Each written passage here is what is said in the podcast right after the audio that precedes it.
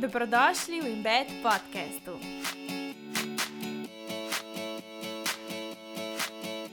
Je res na nas samih, da tukaj nosimo odgovornost, da stvari razrešujemo sproti. Zvečer, ko pride domov, mislim, ti si že tako polna enega gneva in težkih občutij, da na koncu izpade, mislim, pri tebi, sama sebi si misliš, pa se ta moj partner je za nič. Živijo, moje ime je Klara in sem vaša gostiteljica. Če si danes prvič na podkastu, bi ti rada rekla, da dobrodošla. Upam, da boš kaj dobrega odnesla, mogoče, če ne drugega, vsaj neko pozitivno energijo, motivacijo za naprej, ker si res želim, da bi pač ženske izkoristile ta svoj potencial, ki ga imamo in zaživele vse svoje polnosti, in da bi se res počutile srečne in zadovoljne, da smo ravno pač mi v svojem telesu. Ker vem, da je to včasih zelo težko, bi si res želela, da se naučimo sami sebi stati ob strani. V glavnem, danes bomo spet obdelali eno temo, ki sestavlja ravno to, kar sem glih kar govorila. Se pravi, kar rečemo, da se sprejmeš, da se imaš rad. To pač vsaj za me ne pomeni, da si si pač vse čas všeč, kako zgledaš. Ampak predvsem to, da ko ti je težko, ko se ti je težko v bistvu samega sebe sprejeti, da najdeš neko voljo, motivacijo, da si kljub vsemu nežna in razumljiva do same sebe. Danes je zraven mene Martina Medved, ki je zakonska in družinska terapeutka. Ona se v bistvu najbolj posveča preventivi, se pravi, um, da delaš na odnosu, še preden mogoče zaškripa. In danes bomo govorili o eni temi, ki je meni zelo zanimiva in sicer partnerski odnos pred in po rojstvu otroka jaz še nisem mama, nimam pojma, kako je to. In je bilo v bistvu težko mi je bilo ta prava vprašanja vprašati, se mi zdi, ali pa ne vem, da bi bilo in primerno in za tiste, ne, ko nimamo pojma, kako je to, ko samo slišimo, pa imamo neko idejo ustvarjeno v glavi, pa pa spet. Do nekoga, ki je ravno kar v tem, ali pa je že šel čez to, ne, in nekako gledal na to nazaj. Jaz sem zdaj ravno v teh letih, ko imajo vsi okoli mene otroka, ali so zaročeni, ali so se gli kar poročili, glavnem si ustvarjajo svojo družino in vidim samo to, kako se imajo fajn in kako so srečni in zadovoljni in uh, kako je to res lepo obdobje, ko postaneš mama. In verjamem, da je to res tako. Hkrati pa je to res ena velika sprememba. In si verjetno sploh ne predstavljamo, kaj to vse zraven prenese, poleg vseh teh vem, čudovitih novih občutkov in izkušenj, ki jih imamo s svojim otrokom. In ravno o tem bomo danes spregovorili z Martino. Če so vam take teme všeč, jaz vas res lepo povabim, da naredite en screenshot, objavite na svoj story na Instagramu in me tegate noter, in pa napišite, kaj vam je mogoče najbolj ostalo spomino, pa kakšne teme vas najbolj zanimajo, da bomo lahko še naprej ustvarjali čim boljše vsebine. Ok, zdaj pa kar direkt na podcast. Zato bi začela najprej kar z vprašanjem, kaj lahko pričakujemo, ko se rodi otrok? Kakšne so spremembe v odnosu, ki jih lahko pričakujemo s svojim partnerjem? Se mi zdi za začetek zelo pomembno izpostaviti tole, namreč, ko se starši v bistvu pripravljajo za starševstvo v šolah za starše, jih tam ne opozorijo na to, da je uh, obdobje starševstva tudi eno burno in razburkano obdobje, ki prinaša veliko izzivov in je pravzaprav en čustveni vrtiljak. Uh, seveda, pripravljeni smo, da bo to nekaj najlepšega, kar se nam je zgodilo v življenju, pa saj tudi je, ampak potrebno je vzeti v zakup tudi vse, kar pride zraven. In zato mm -hmm. se mi zdi pomembno, da ozaveščava o tem poslušalce že zdaj. Namreč uh, veliko partnerskih odnosov razpade v treh do petih letih uh, po rojstvu otroka, ravno zato, ker niso bili dovolj čustveno pripravljeni, pripravljeni na to, mm -hmm. v mhm. kaj se spuščajo. In uh, če, začne, če se dotaknemo res vseh teh sprememb, kaj se zgodi. Predvsem je to en šok za telo, za mm -hmm. žensko telo, ne, ki, ki rodi, ki je pri, preplavljeno s hormonskimi spremembami ki je uh, izčrpana. Uh mhm. -huh. Vsak dan je v bistvu enak, saj veš, rutina se ženski popolnoma spremeni, opravlja še samo ta ista opravila, previjanje, dojenje, spanje in njeni dnevi so res vsi enaki. Uh mhm. -huh. Se pravi, ki je ona zdaj, tako v vsem tem? Torej, predstavljaj si izčrpana, utrujena, ne naspana. Ne? Istočasno ona mora dati res sebe v bistvu za en čas na stran. In primarno tukaj zadovoljevati potrebe otroka. To je zahteven proces. Mm. Predstavljaj si sploh, če si prej bila mogoče aktivna ženska, polno zaposlena, potem pa se moraš kar na, za eno ali pa tudi dve leti dati popolnoma na pauzo. Ne, si to sploh ne predstavljam. To se meni zdi, da je tako težko, ko že nasplošno, tako se mi zdi, da je tako težko priti v en tako, ne vem, uh, eno tako počutje, da se dobro počutiš glede sebe, glede vsega, kar pozna, po, pač počneš, da si končno našla neko svojo strast, pa se pa v bistvu vse nekako obrne na glavo in da se ti, ne vem, kako se spet najdete, kako se spet. Uh, začutiti po vsem tem, verjetno ni tako lahko. Ja, tako je. In tukaj še vrsta enih hormonskih sprememb v ženskem telesu. Uh, vem, izloča se recimo veliko estrogena, to je vse, ima eno biološko funkcijo in namreč zato, da se mama naveže na otroka, uh -huh. ne, mhm. da ne pade v depresijo, oziroma tam, kjer je premalo estrogena, ženska potem dejansko pade v depresijo. Uh mhm. -huh. Izloča se hormon oksitocin, ki pravzaprav omogoča mamici, da se zaljubi v tega svojega otroka, dejansko uh mhm. -huh. zaljubi, ker ta hormon se nam izloča tudi, ko se mi v partnerja zaljubimo. Uh mhm. -huh. Tako da um, tukaj se ženska potem ves svoj fokus, torej in tako biološko in čustveno pogojeno, mora usmeriti v otroka. Ampak kaj je pa zdaj tu lahko ena taka past? Torej, predstavljaj si, vsi dnevi so enaki, že tako ali tako si utrujena in izčrpana. In potem vsi ti procesi, ki potekajo v razvoju otroka, so dolgotrajni, oziroma dolgo časa so isti. Ker otrok se na začetku, saj veš, je samo upitje in jok, in ti ne veš, kaj je z njim narobe mm -hmm. in kaj mu manjka. Ali je ta jok, ker je lačen, ker ima povišeno telesno temperaturo. Torej je ena velika nepredvidljivost in strah na strani mame, mm -hmm. ne? da ne bo zmogla in kako se sploh rokovati z vsem tem. In uh, na začetku je to en dolg proces, čustvene regulacije, pomirjanje, to lažbe, pa pridi sem, pa ga vzameš v roke. To so ponovitve dan na dan, tudi stokrat, če je potrebno. In to vse zahteva en trud in uh, ja, ustrajanje, konec koncev.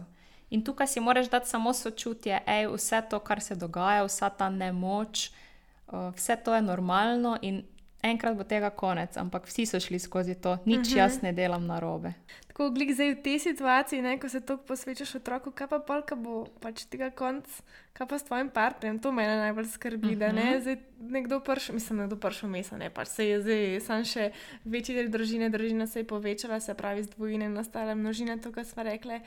Ampak kako vse to, so, so, so stvari, ki si tako izmučena, ki imaš čisto neko drugo vlogo, ki se mogoče tudi v njej zelo loviš, ki se ne počutiš, da si ti ti, najdeš ne samo čas, ampak voljo, da se pač posvetiš svojemu partnerju. Ja, to pride nazaj postopoma, ker ko sem ti govorila o teh hormonskih spremembah, ti najprej nimaš niti volje, niti namena se takoj obrniti k partnerju, uh mhm. -huh. ker naravno tvoje telo poskrbi, da si z mislimi in s telesom pri otroku. Uh -huh. Mhm. Ampak ta neka normalna separacija, če zdaj pod narekovaj rečemo normalna, se vsak otrok je res drugačen bi se pa naj zgodila do prvega leta otrokovega življenja. Torej, v tem času, ko mamica recimo preneha s porodniškim dopustom, bi se naj tudi začela naravno vračati k partnerju nazaj.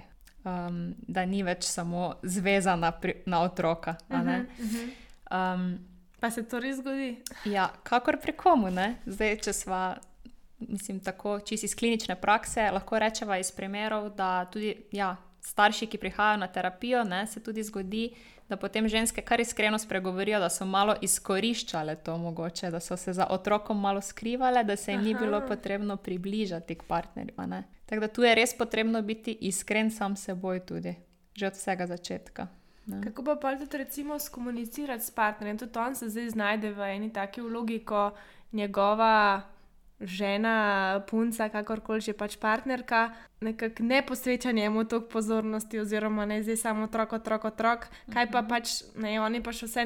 Nekako s hormoni, verjetno isto, kot je bil pač prej, nima tako drastične spremembe, kot je pri ženski. Tako da je tudi on razumljen, da se on ne bi oddaljil od, recimo, pač tebe in tako.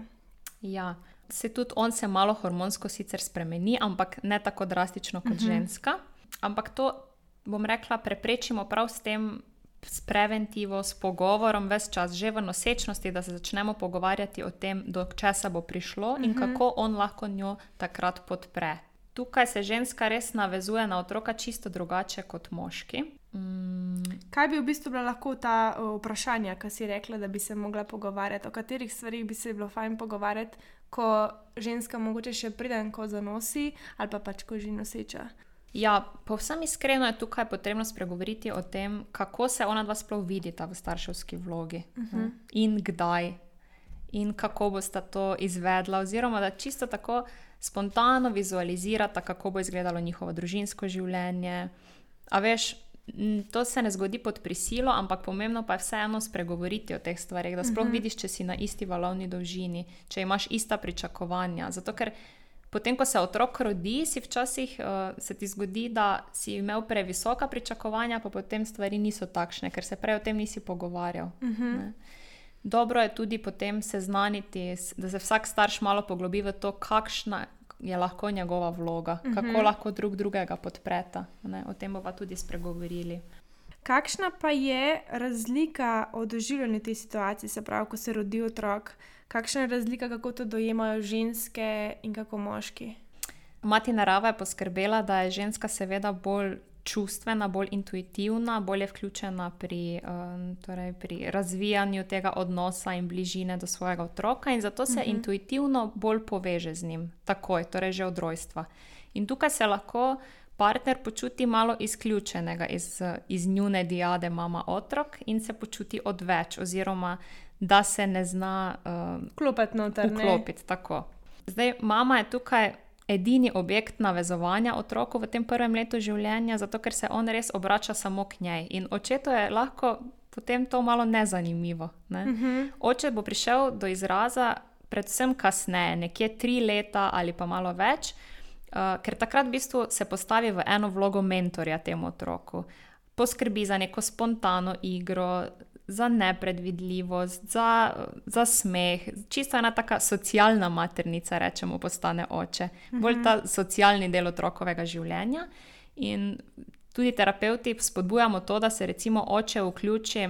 Ko je potrebno otroka dati v vrtec, da ga on pospremi v vrtec. Ja, ker to stori veliko bolj spontano, na hitro, brez da bi to bil en big deal, če rečemo uh -huh. po domače, medtem ko mamica se pa lahko hitro ujame v neko vijokanje, v stisko ne, in se kar ona ne zmore posloviti, in potem otrok v bistvu Tudi prevzame gre. to njeno Ja. stisko in tudi on joka.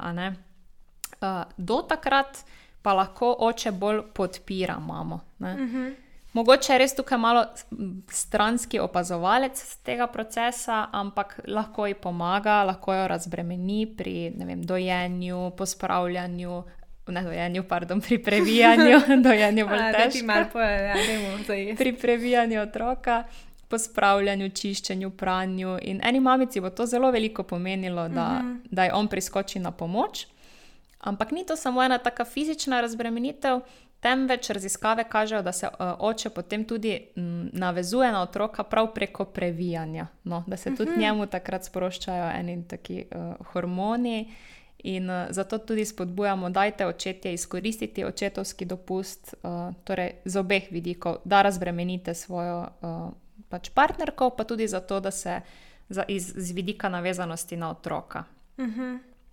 Kaj pa recimo, jaz, kot sem rekla, že velikrat, jaz vedno prijem začneva snemati uh, kakršen koli podcast na Instagramu, vprašamo o te, tematiki, ki bo pač govorjena, kaj zanima vas in uh, kakšne so vaše izkušnje in vaše vprašanja. In ne znam povedati, koliko velik žensk in koliko je skupno bilo to, da. Um, Začnejo biti zamerljive, očitati svojemu partnerju, se pravi, da je vse na njih, da se morajo z vsem same, um, da so same v vsem, ne? se pravi, te zamere, to očitanje nekaj, ali pa tudi večkrat uh, vpliva na, oziroma pač res negativno vredno vpliva tudi na njihov odnos in na pač njihovo dinamiko. Uh -huh. Kako to skomunicirati, se mi zdi, ne, da ženske že nasploh, ok, smo že tako ali tako bolj zdaj to spet posplošujem, ni vedno tako, ne, ampak lahko bolj komunikativno odprte kot naši partnerji. In mogoče kdaj lahko izpade usiljivo ali pa od več partnerjev, da bi zdaj oj, skozi težiš v tem smislu, ne, da, da je tečna. Kako nekako njega privabiti k temu, ali pa da se to začne razrešiti, kot se da, ne, polka sta kar naenkrat odtujena in ne vem, otrok uh -huh. pride vmes. Ne vem, kako bi sploh temu rekla. Ja, ja, ne ja. razumem dobro. Razumem, kaj želiš povedati. Zdaj, najprej bi jaz povedala to, da je potrebno res sproti razreševati nesoglasja, oziroma to, ko si rekla, te popade neka jeza in tečnoba. Je res na nas samih, da tukaj nosimo odgovornost, da stvari razrešujemo sproti in da čisto poveš, ali pa konec dneva ovrednotiš, hej, meni je tako in tako, počutim se ne vem, nemočno hej, jaz bi še potrebovala mogoče malo podpore, ker ne vem, če delam prav. Razumeš, tukaj, uh -huh. da mhm. izhaš res iz sebe, kako se ti počutiš. In čisto neobtožujoče in neobsojajoče, uh -huh. s tem mhm. ne kritiziraš drugo stran, ampak v bistvu izražaš sebe. sebe da si v bistvu tudi ti sam do sebe. Svoje potrebe. In da si tudi ti sam do sebe, samo do sebe, čim bolj iskren, kako se sploh počutiš. Ne, da, v prvi vrsti razčistiti seboj. Ja, se mi zdi, da je dosti težko priznati, da neko tako obdobje, ki si predstavljaš, da bo to lepo in to je se stavljeno tudi uh -huh, pač mhm, tako lepi uh mhm. -huh. trenutki, ampak je zraven, ko kar slišim, toliko enih težkih da si pa tudi nad sabo lahko razočaran, da je to, kar je sam premen. Ja, in tudi, ko v besediš in poveš to na glas, ej, jaz sem mislila, da bo lažje, nisem si predstavljala, da bo tako. Sistem iskrena do sebe, do njega, in to je ta ranljivost in iskrenost v partnerstvu. Tukaj, se, mhm. tukaj je res ta izhodiščna točka, kjer štartata, da sta in partnerja, in starša ob enem. Uh mhm. Sicer pa bi ja, želela povedati tudi to, da ker smo ženske veliko bolj artikulirane, veliko bolj izrazne kot moški, oni mogoče manj govorijo oziroma najdejo manj besed za svoje doživljanje in počutje, smo pa mi nagnjene k temu, da o svojih stiskah govorimo vsem možnim prijateljicam, pa mamam, yeah. pa ja. sestram. yeah. Ja. In ti, če pogledaš tekom dneva, mogoče pet do šestkrat izgovoriš neko stvar, ali pa bom rekla, malo zašimfaš svojega partnerja uh mhm. -huh. in se pritožuješ počes in počes. In zvečer, ko pride domov, mislim, ti si že tako polna enega gneva in težkih občutij, da na koncu izpade, mislim, pri tebi, sama sebi si misliš, pa se ta moj partner je za nič. Uh mhm. -huh. Hitro lahko posplošuješ, ker ko si slabši koži. In mogoče imaš več negativnih misli in občutij, potem hitro lahko posplošuješ, da je vse narobe. Ne? Pa tudi, ko se mi zdi, da vedno moramo nekako.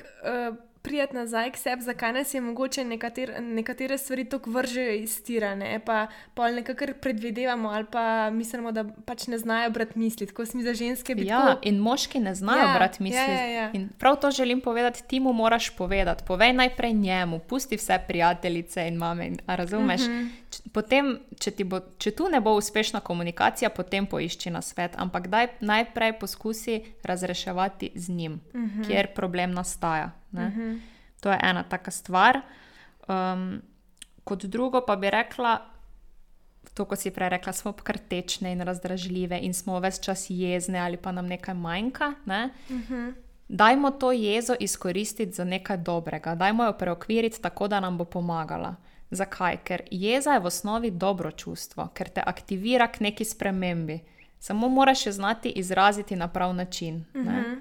Torej, če bo zdaj neka ženska pobesnela in bo kar kričala vse poprek in užalila, in ne vem, vse za vse sem sama, si nesposoben, nič mi ne pomagaš, kako pa misliš, da se počutim. Uh mhm. -huh. Sva ja. iskreni, yeah. lahko da to na ta način napadaš drugo stran, ampak nisi usmerjen k rešitvi. Uh mhm. -huh. Napadaš in hočeš, da v bistvu se tudi on pa zraven slovo počuti. Tako, tako ker želiš ti, njemu nabijati krivdo. Uh mhm. -huh. Ampak, eh, če pa mi se razjezimo na en spoštljiv in dostojanstven način, sej meni ni potrebno, da kričim in žalim drugo stran, da bi povedala svoje argumente, zakaj sem jezna. To lahko pač naredim čist v enem normalnem tonu, ampak da sem pa odločna in aktivna v tem. Uh mhm. -huh. Torej, vidiš razliko. Ne igram vlogo žrtve ampak želim res povedati, poglej, jaz ti pa iskreno povem, mene zdaj to jezi ta situacija, počutim se osamljeno, počutim se nemočno, uh, potrebovala bi to in to. Kako mi lahko prideš nasproti? Uh mhm. -huh. Čist nekaj drugega. Ja, čist nekaj drugega. Čist nekaj ne? drugega bi se tudi jaz veliko lepše, oziroma veliko bolj tako hotla odzvati na nekaj. No, in to je tista kar... zdrava ženska jeza. Uh -huh. In uh, moški na drugi strani, to je za nas svet za ženske, moškim pa da povemo, da ženska jeza uh, je dobra zato, ker ko ženska izrazi jezo, pomeni, da ga pogreša. Mogoče je to en paradoks. Ampak takrat želi povedati, hej, tako te pogrešam, tako te potrebujem, ker sama ne zmorem. Uh mhm. -huh. ne? Se, če bi mu to rekla, bi verjetno tudi on pretekel na pomoč, kot ko ne poveš. Čez nekaj drugega. Ja. to. In v bistvu bi se moški morali sekirati takrat, ko smo mi apatični, ko nam je že vse eno, ne ko se razjezimo. In ko moški to vedo, je tudi njim lažje. In uh, tako da ona mu naj potem, kar, tu je potreben kar en coaching in dobesedno, da mu pove, gledaj, pogrešam te, potrebujem te in naj mu pove, kaj točno takrat potrebuje uh -huh. od njega. Ker on ne bo mogoče sam tako izkapiral. Ne? Ja, in veliko se tudi zgodi, da same v bistvu ne vemo čistočen, kaj bi rade. In tukaj pa pride, pač vsaj po mojih izkušnjah, Ja. ja. ne glede na to, zdaj, kje situacija je, da si vzameš čas za to, da se kukar pač se le da spoznavaš skozi različne izkušnje, ki jih imaš v življenju. Tako. Da veš, kaj rabaš, ko se počutiš tako in tako in tako in kaj ti pomaga. Tako. In tudi, da ne bodo rekli naši poslušalci, da mi tukaj samo ženske opremljamo, kako naj ravnajo. Ne? Bi, bi rekla, moškim en na svet pa je, ko se oni znajdejo res v tej neprevidljivi situaciji, v kaosu, tam ženska zraven njega nori, pa ne ve, kako bi se odzval. Prav naj reče, ok, jaz bi te rad razumel, prosim, povej mi kaj več o tem, kako naj ti pomagam, ne, kako uh -huh. se počutiš. In tukaj res ne more zgrešiti, ker ji bo prišel nasproti in tudi njej bo padle vse obrambe. Ne. Kaj pa bi rekli, recimo, da se zgodi po tvojih izkušnjah, ne, ko se pogovarjaš s pari, kar se tiče spolnosti? Kje so najbolj take, um, kje izzivi, uh -huh. problemi nastanejo, kako je ne, recimo z libidom in tako naprej po rojstvu otroka? Ja, pari se, bom rekla, najbolj obremenjujejo s tem, kdaj je potrebno se vrniti nazaj k spolnosti, uh -huh. torej kdaj časovno in potem kvantiteta, kako pogosto bi to moralo biti, da je normalno pod narekovaj. ne. Ja. Jaz ne maram te besede normalno, zato ker vsak par je drugačen in funkcionira drugače. In tudi če prej nista imela ne vem kako pogoste spolnosti, bi zdaj bilo pa za njiju neobičajno pričakovati porast spolnosti, glede na to, kako sta bila prej povezana intimno, Ja. spo- v intimni spolnosti. Uh, zdaj, če se mi tukaj obrnemo k temu, kaj je pravzaprav pomen spolnosti. To je neko najgloblje hrepenenje po povezanosti in pogrešanje drugega. Torej, da si z njim povezan na nek najgloblji čustveni, intimni uh, ravni. Uh -huh. In prav tukaj bi, morala biti, bi moral biti fokus vsakega para. Ok, dajva se mi dva spet čustveno povezati, da bo tisto prišlo nazaj naravno in spontano. Uh -huh. Ne da se obremenjuješ, zdaj bi pa res morala, ali pa zdaj bi pa konec tedna morala, pa zdaj že dolgo nisva. a ne. Um, je to čist um, en drug vidik. No. Tako da kvantiteta ni toliko važna. Uh, se pa tukaj ena ženska, sploh, ki se potem srečuje, ki se obremenjuje z svojim telesom po porodu, s tem, kako izgleda, mogoče malo tudi čustveno razburkana, um, je mogoče veliko bolj obremenjena kot pa en moški. Uh -huh. In tukaj se ona vedno znova sprašuje, ali si me ti še vedno želiš, ali še ti vedno mene vidiš ob sebi v tem najglobljem smislu, v tem uh -huh. intimnem smislu. Seveda tega ne bo rekla na glas, ampak lahko se ti procesi odvijajo nezavedno, pa tudi zavedno. Težko pa je toliko ranljiva in iskrena s svojim partnerjem, da to pove na glas. Uh -huh. Kar bi si tukaj morala dovoliti, v bistvu. Ne? To so čisto eni normalni procesi. Uh -huh. Zdaj, kako je pa on lahko pride nasproti, pa je to, da ženska funkcionira drugače kot moški. Ženska, preden bo se v spolnost, fizično, telesno spolnost spustila, bo imela potrebo po čustveni povezanosti. In tukaj malo tako za hec lahko rečemo, da ta predigra pred spolnostjo lahko traja pa tudi cel dan ali pa cel večer, ampak da je ta predigra v smislu neke romantike, pogo pogovarjanja, hecanja, povezovanja, pa greš ta na večerjo in je to en proces. Ne? In mogoče bo teh ponovitev na začetku potrebnih več, da se bo ženska sprostila, da bo se vrnila nazaj v svojo kožo uh -huh. in da bo spet preklopila, ok, nisem samo mama, sem še zmeraj partnerka. Kaj pa um, bi lahko rekla, no, to, kar si začela s tem, kako ostati povezan s to pozornostjo, kako tudi um, mogoče spodbuditi partnerja, da začne na tem, ker se verjetno tudi ne, zdaj minil kar nekaj časa. Zdaj, govor, zdaj spet, kot si rekla, naslavljam ženske, zato ker vem, da je pač 99% ženskih poslušalk. -huh. Ampak uh, se mi zdi, no, če se pač ne počutiš dobro v svojem telesu, jaz, ta, jaz že samo, recimo, ko sem napihnjena, pa če si ne želim takrat imeti spolne odnose ali pa ne vem. se ne počutiš pač kot ti, ne? si tudi ne želiš, da bi se te mogoče pač partner potem na tak način dotikal. Tako da to pač res mora biti nek proces, če ne že drugega tako. Se mi zdi, da smo ženske res tako čustvena bitja, ko rabimo več samo, neko si reka, to čustveno povezavo, res ne, da te objame, ki pripravljaš kavo zjutraj. Uh -huh. Take mehke stvari, ki se potem gradijo čez dneve, tedne in tako naprej, da si pač tega pa začneš vedno bolj želeti. In kako bi ti rekla, da so kakšne take stvari, ki so čisto vsak dan in ne zdaj samo kot ti date nighti, da ostane ta povezana? Jaz mislim, da to je ena kontinuirana iskrenost in ranljivost drug do drugega. Mm. Namreč tu je eno, če si moraš biti ves čas iskren s svojim partnerjem, boš tudi z njim lahko rasel uh mhm. -huh. skozi leta. Kot druga stvar pa tudi, uh, če ti zmoreš biti ranljiv in neposreden do svojega partnerja, ne, boš to potem tudi kot starš, ko bo vajen otrok odraščal, bosta vidva znala razumeti in zdržati tudi njegovo neposrednost in ranljivost in iskrenost in vihravost. Uh mhm. -huh. To raziskave kažejo starši, ki so povezani in iskreni in ranljivi že ves čas med odraščanjem otroka, ko on pride v ena najstniška leta, zmorejo tudi lažje preiti tisto vihravo fazo. Uh mhm. -huh. Zakaj? Zato, ker otroci so pravzaprav zrcalo partnerskega odnosa.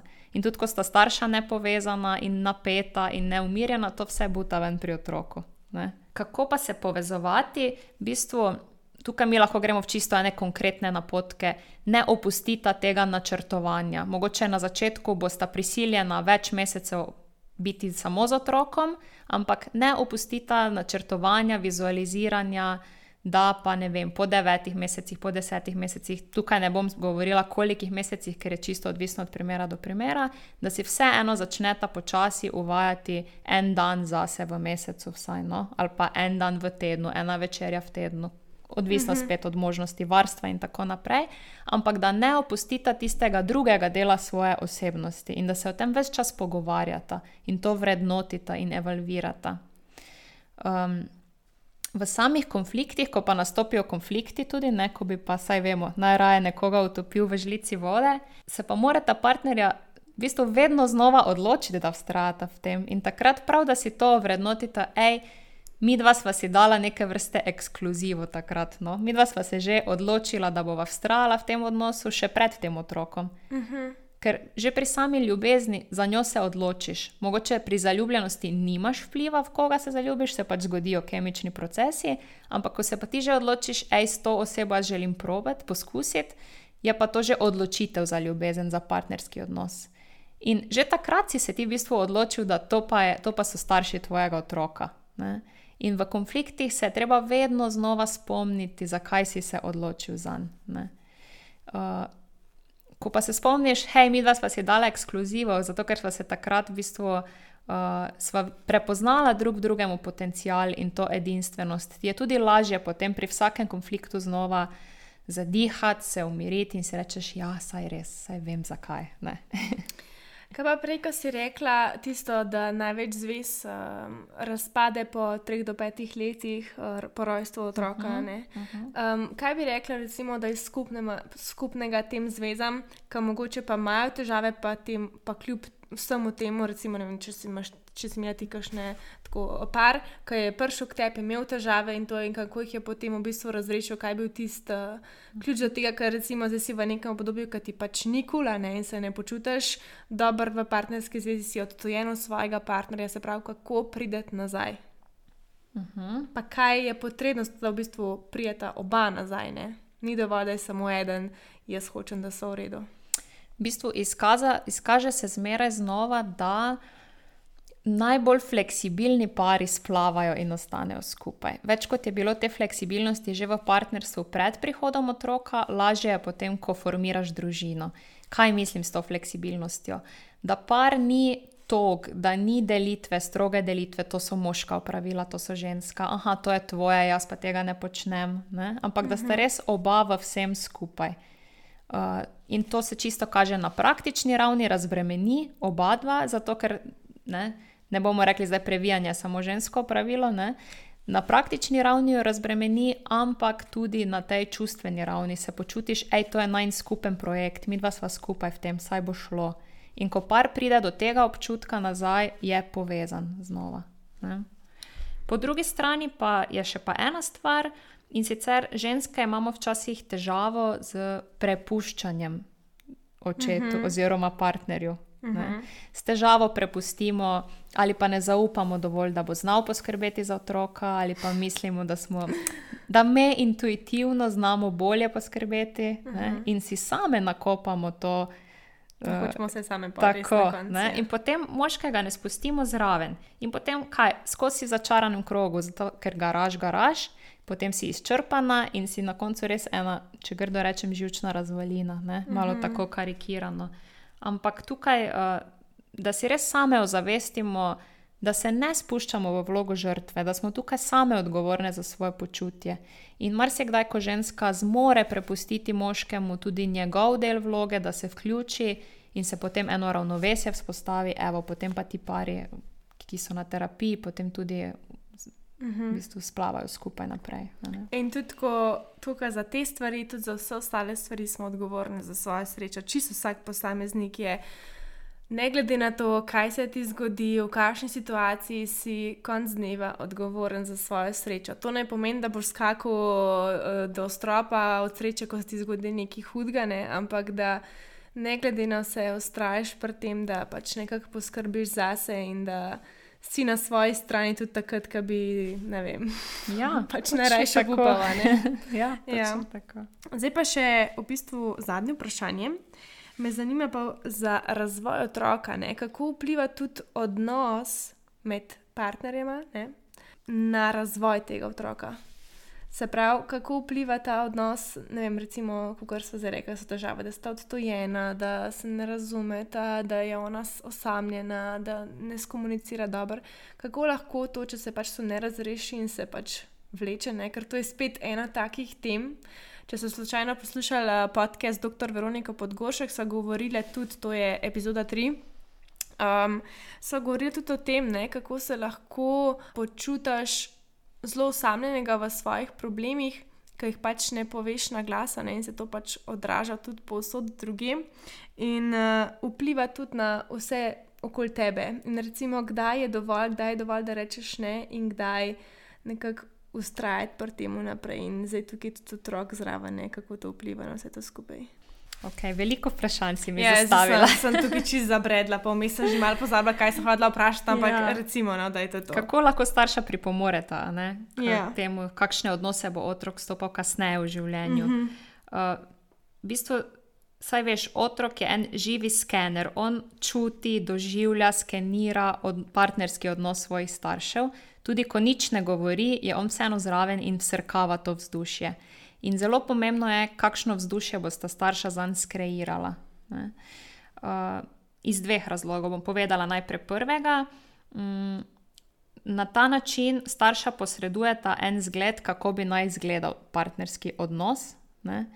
In uh, če se sama trudita, da je to en zdrav odnos, bo to najboljši zgled in najboljša vzgojna metoda. Veš, potem ne rabiš otroka umetno usmerjati tekom življenja, kakšni bi naj bili odnosi, zato ker ti res to živiš, v kar verjameš. Uh -huh. In otrok se iz tega najbolj uči, ker vidi, da nisi hinavec, da bi nekaj govoril, drugo pa počel. a ne.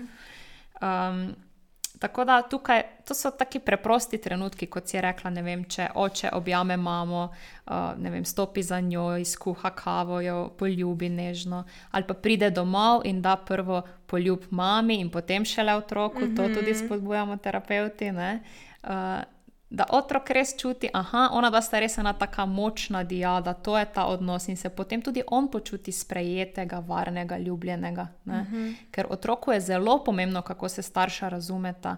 Uh, v končni fazi uh, polovico materijala genskega prispeva oče, polovico mama in otrok tukaj res uh, občuti eno, če sta starša, pač ena močna celica. Ne? Uh, je tudi on s tem pomirjen. Zato, ko grejo starši na razen in se ločujejo, se tudi otrok počuti razklanega. Uh -huh. Kot drugo, pa bom rekla, uh, starši imajo tukaj tudi eno drugo pomembno vlogo, saj pri otroku v bistvu oblikujejo temelje za zaljubljenost, oziroma kakšne uh -huh. odnose bo pa on iskal, ko bo odrasel. Ne? Zakaj? To pa zato, ker otrok spet, ko je odrasel, išče neke podobe, notranje psihične podobe, ki jih ima že v sebi. In te podobe je on pridobil v izvorni družini. Uh -huh. Torej, eh, če je doma dobil ene potrditve, da je ljubljen, da je zaželen, da je edinstven, uh, se to že nalagajo ti programi v njem. Ker se jih sploh ne zavedamo. Tako, ne? Na totalno eni nezavedni ravni, in kasneje v življenju bo tudi on imel tako visoke standarde, da uh -huh. ne mhm. bo želel manj, ne pristaneš na manj ali pa nizke. Ne? Zato je tukaj izredno pomembno, um, res, kakšno čustveno klimo ustvarimo. Uh mhm. -huh. In najpomembnejša so pa prva tri leta. Uh mhm. -huh. ja. Izbrala sem še povedala, da uh, meni spomin danes dela bolj slabo, ima menstruacijo in me vse boli. in sem hotela prej vprašati, oziroma ne vprašati, pač povedati to no, z dr. Roniko Podgoršek, da so govorili o tem, ne, da v partnerstvu, ne glede na to, če imate otroka ali ne, ne, ko se pojavi neka težava, ne, so to neke zadeve, ki v bistvu jih nočeš odpirati, ker veš, da bo zraven pol pršo, lahko ne vem, ali prepir, ali neko, da se boš počutila še bolj nerazumljeno, še bolj osamljeno in tako. In se recimo takim neprijetnim temam ne. Rajši izogibamo, ampak definitivno se jim ne moramo pač. In bi lahko verjetno veliko naredili že samo s tem, ko začnemo počasi uh, reševati probleme, ki smo jih zdaj tlačili na stran, kot pa da jih pač pustimo na strani, ko kar dolg časa se jih gleda. Ja, saj veš, ti lahko nekaj ne izgovoriš na glas, ampak vseeno pa je jasno, vse kot beli dan, kaj uh -huh. se mhm. dogaja. Ne, ti lahko vidiš en par, ki vem, si zgradi ta fasado, vse je ok, super svali, pa ta socialna mreža in Instagram in vsi uh mhm. -huh. živijo svoje popolna življenja. Pravzaprav pa uh, je tam čustveno vzdušje že čisto umrlo. Ne. In pa... tudi otrok, ne, tudi ti njemu ne rabiš eksplicitno povedati stvari, pa jih začuti, ker je enostavno del tega sistema in odrašča v tem vzdušju in ga ne moreš prelisičiti. Ne? Kaj pa bi rekla, recimo, zdaj enemu paru, ki recimo že ima otroka, pa so zadeve, oziroma zadeve niso take, kot sta si ona da predstavljala, da bojo. Kaj bi ima rekla, da bi nekako mogoče pa le začela reševati te zadeve in da bi izboljšala svoj odnos? Uh mhm. -huh. En na svet ali pa neka spodbudna beseda. wow. Ja, To je kar težko, če nimam pred očmi neke pač ja, konkretne zgodbe. Ja, para, ja. Ja. Mi na terapiji zmeraj poskušamo najprej motivirati par, da skupaj raste. Zakaj? Ker ponavadi sicer en partner zvleče drugega že skoraj pod prisilo. Uh, da se da prijeta na terapijo. To je ponavadi ženska. Ponavadi res. Uh mhm. -huh. Uh, ampak potem tam skušamo motivirati oba, vidva sta tukaj skupaj v odnosu in če je samo en vlečni konc, se ne bo nič spremenilo. Uh -huh. Mhm. Tako da se res morata aktivirati oba. Če pa to ne gre, pa jo potem poskušamo motivirati skozi ravno to, kakšno. Um, seme navezanosti oziroma čustvovanja vidva zdaj seta v svojem otroku. In je res pomembno, kaj bosta vidva tukaj in zdaj naredila s svojim odnosom, ker bo to vplivalo ne le na vaju, ampak tudi na otroka. Uh mhm. -huh. In včasih gre pa ta druga opcija mogoče lažje skozi. Pa dejansko pari pridejo k tebi kot preventiva, ali je to še vse neka taka um, tabu tema, ki pridejo šele takrat, ko res škripa. Pa, vem, razumeš, da je še vedno tisto terapija samo za tiste, ki ja. imajo res težave. Bom rekla, da stvari so vedno boljše, vedno bolj smo zaveščeni kot družba in smo pripravljeni priti na terapijo kot v obliki psihohigiene, ampak žal je pa še vedno prevelik delež tistih, ki pridejo pozno ali pa včasih že tudi skoraj da prepozno. No? Uh mhm. -huh. In potem pa če res se več ne da nič narediti, kar je škoda, ker če bi prišli leto prej, bi se pa dalo še veliko narediti. Uh -huh. uh, prav zato se s kolegico, strokovnjakinjo za pare, uh, s katero v bistvu razvijava produkte, kot si prej dejala za preventivo, da se odnos še bolj poglobi, da se partnerja še bolj povežeta.